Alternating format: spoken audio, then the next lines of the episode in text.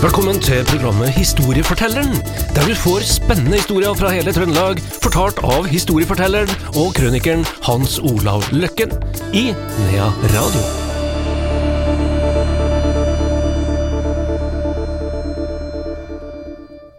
Historiefortelleren er tilbake her i Nea Radio. Det er også vår historieforteller Hans Olav Løkken. Velkommen, Hans Olav. Jo, takk. Det takk. blir eh, flere småhistorier nå. Vi, ja, først skal det handle om det med å få Det er noen som får skylda for alt, er ja, ikke det? det er det. Vi skal eh, Utrolig. Ja, det er, det, er, det er merkelig, og det der er gått igjen i alle generasjoner, altså. Du plukker ut et offer som skal bli et offer, og lett å skylde på.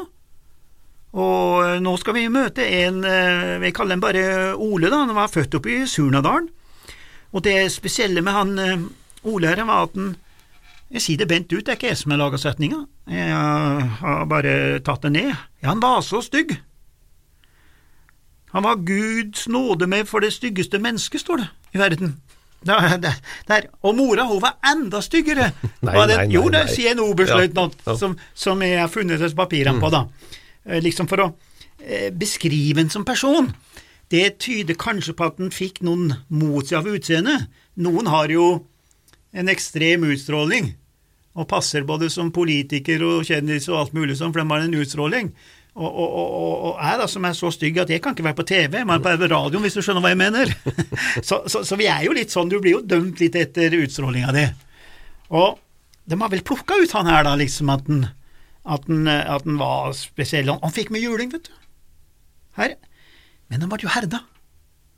Det er utrolig med dette her, at herda du tåler mye når du har fått mye juling. Og de påsto til slutt at den var laga av gråstein. Han tålte hva som helst, og han så ut som en gråstein, står det i her papirene da.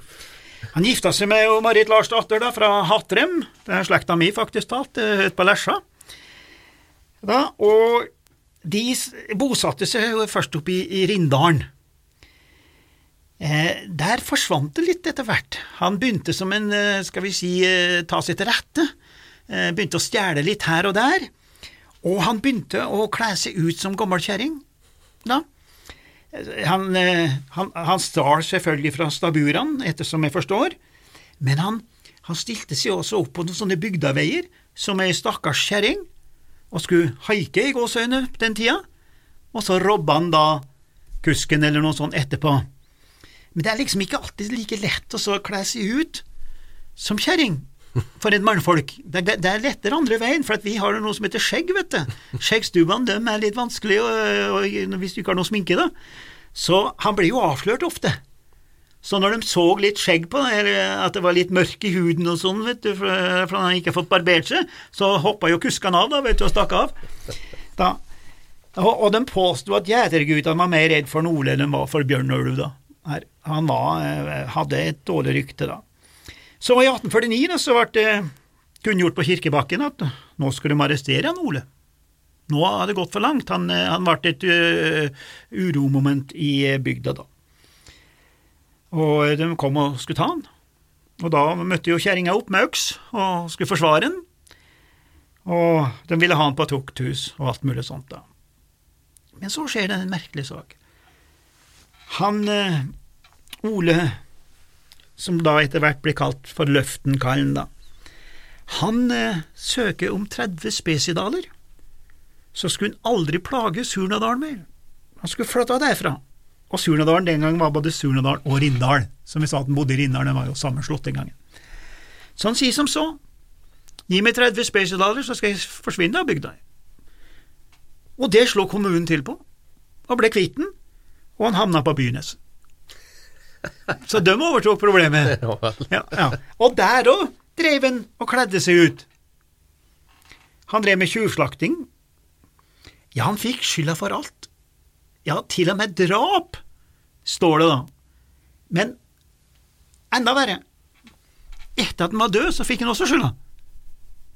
Og det, det er liksom blitt gjort et poeng av her, altså at du, du, du overlever, og så overlever du ikke mer, men likevel så får du skylda for de neste tingene som skjer i bygda da.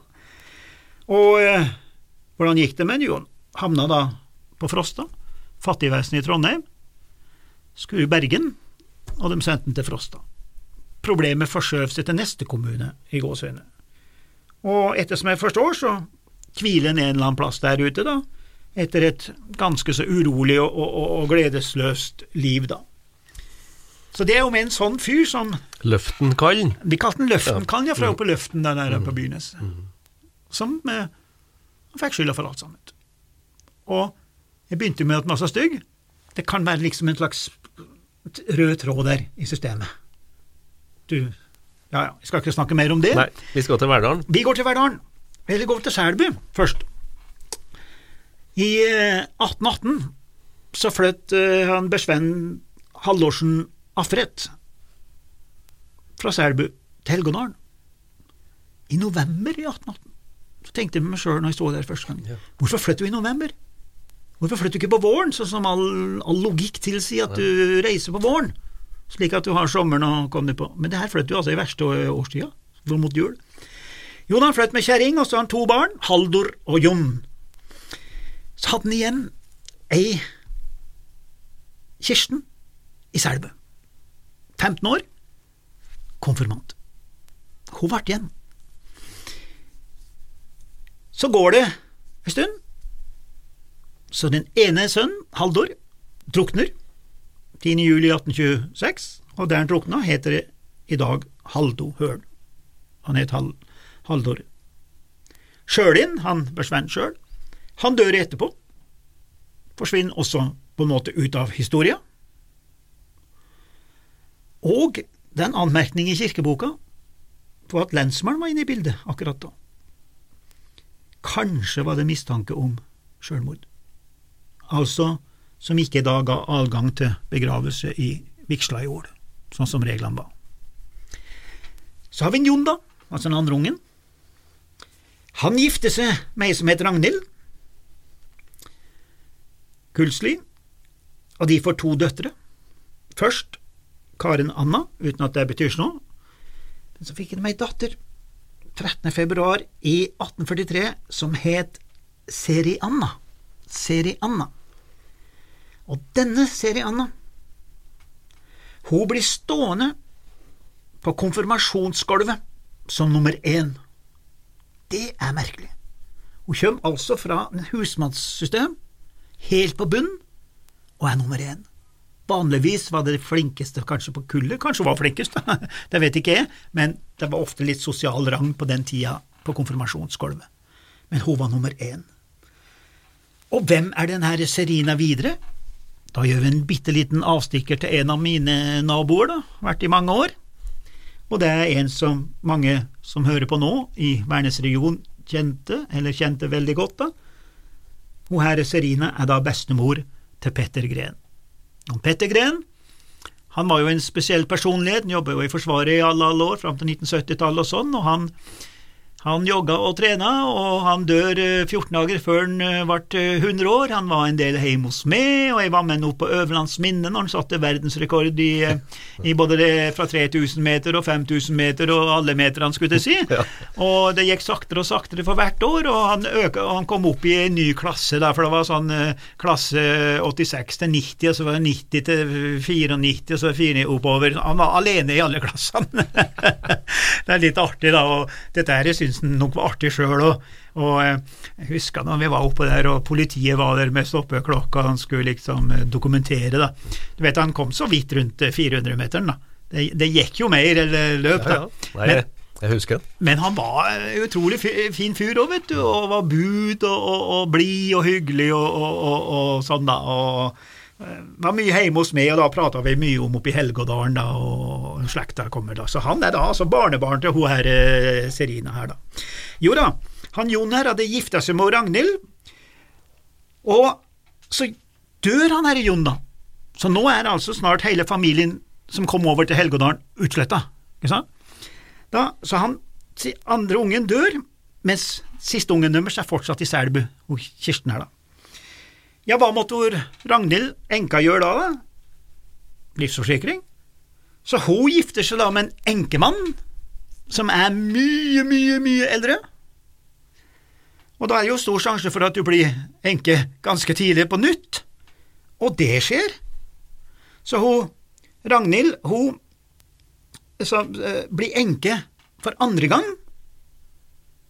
da, da han eh, nymannen der, og så dør han. Og så kommer den tredje inn i til hun herre Ragnhild, de kalte den for Ola Julneset, de kalte den bare Luss, Lussen, og det var visst en jæklig raring, for han hadde tenkt å ta livet av seg, skjønner du, og eh, han skulle henge seg. Første forsøket mislykka totalt, så det står da i boka at det mislykkes, han, han, holdt på å ramle ned og holdt på å slå seg i hæl, står det. Som om uh, Det var vel det som var meninga, men sånn ironisk sett så, så, var det jo litt sånn um, artig setning, da. Han holdt på å slå seg i hæl. men han lyktes på andre forsøket. Så Ragnhild enke for tredje gang. Og så er det dattera som er igjen i Selbu. Hun kommer i uføre som det ofte var med tauser og alt det der på den tida. Så plutselig, i 1842, nei, i 1832, så får hun ei datter utenom ekteskapet. Ti år senere så er hun 39 år og sitter som alenemor med ei datter på ti år. Da har hun mista bror sin, da har hun mista begge brødrene sine, da, som omkom oppe i Helgadalen, og far sin og hele greia. Og hun gifter seg da, med den der barn med, med, med der som enemor, så gifter hun seg med en som er mye, mye eldre, som het Elias Andersen Lyngvold, uten at jeg sier dere noen ting, men han er altså far til hun herre Ragnhild som er enke for tredje gangen. Så der skjer det, for den som er skarp i hodet nå, oi, oi, oi, så er det altså sånn å forstå at far og datter gifter seg med søskenpar. Altså, aldersforskjell betydde ingenting, vet du. Det er livsforsikring det dreier seg om. Så her har de også bryllup, og de gifter seg med hver sin søskenbarn. Far og dattera. Og hvordan gikk det med familien Aftret og sånn? Ja, de forsvant jo da, ut av, ut av denne eh, historia. Men nå er det Kirsten, da, som hadde gifta seg, ikke sant, med han gamlingen her, da, og som her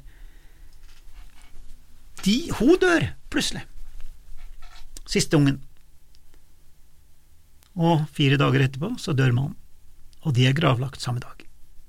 En skjebne igjen, for hun gifta seg med en som var veldig gammel, mm. og så dør hun, men at han døde var ikke så unaturlig. Men du får dette her når det er sånn ubalanse i alder. Der.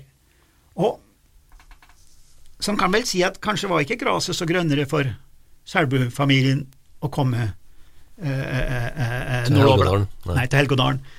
Men denne historien den skal jo liksom på en måte minne oss om at, uh, at det var ganske naturlig, eller det var ofte enker og enkemenn. Og det er jo bare det at ei enke ble gift flere ganger, og ble ofte gift med eldre. Det var jo også andre veien. Når ei enke, eller en ungdom på 5-26 år, kom tilbake fra åtte års militærtjeneste, kom over Gjevingåsen, ikke sant, kommet til Trondheim by med, med båt, ikke sant, og skulle, skulle hjem til, til Selbu eller, eller, eller eh, Meråker eller Stjørdal eller hvor han skulle hen. Først spurte på hvor sitter enkene hen? Og så var det da å, å komme seg dit, 5-26 år, og gifte seg med ei enke på 60. Gård og grunn, gård og grunn. Viktigere enn kjærlighet? For vi er tilbake til samme setninga som de gamle sa. Vel, vel, ankeret, livsforsikringa, er viktigere, så man kanskje håpe at kjærligheten kommer etterpå. ja, ja, ja. Takk, Hans Olav. Det var historia i dag. Du får en ny historie om ei uke til samme tid. Husk også at du kan høre podkasten Historiefortelleren her i Nea Radio, der du vanligvis hører podkast.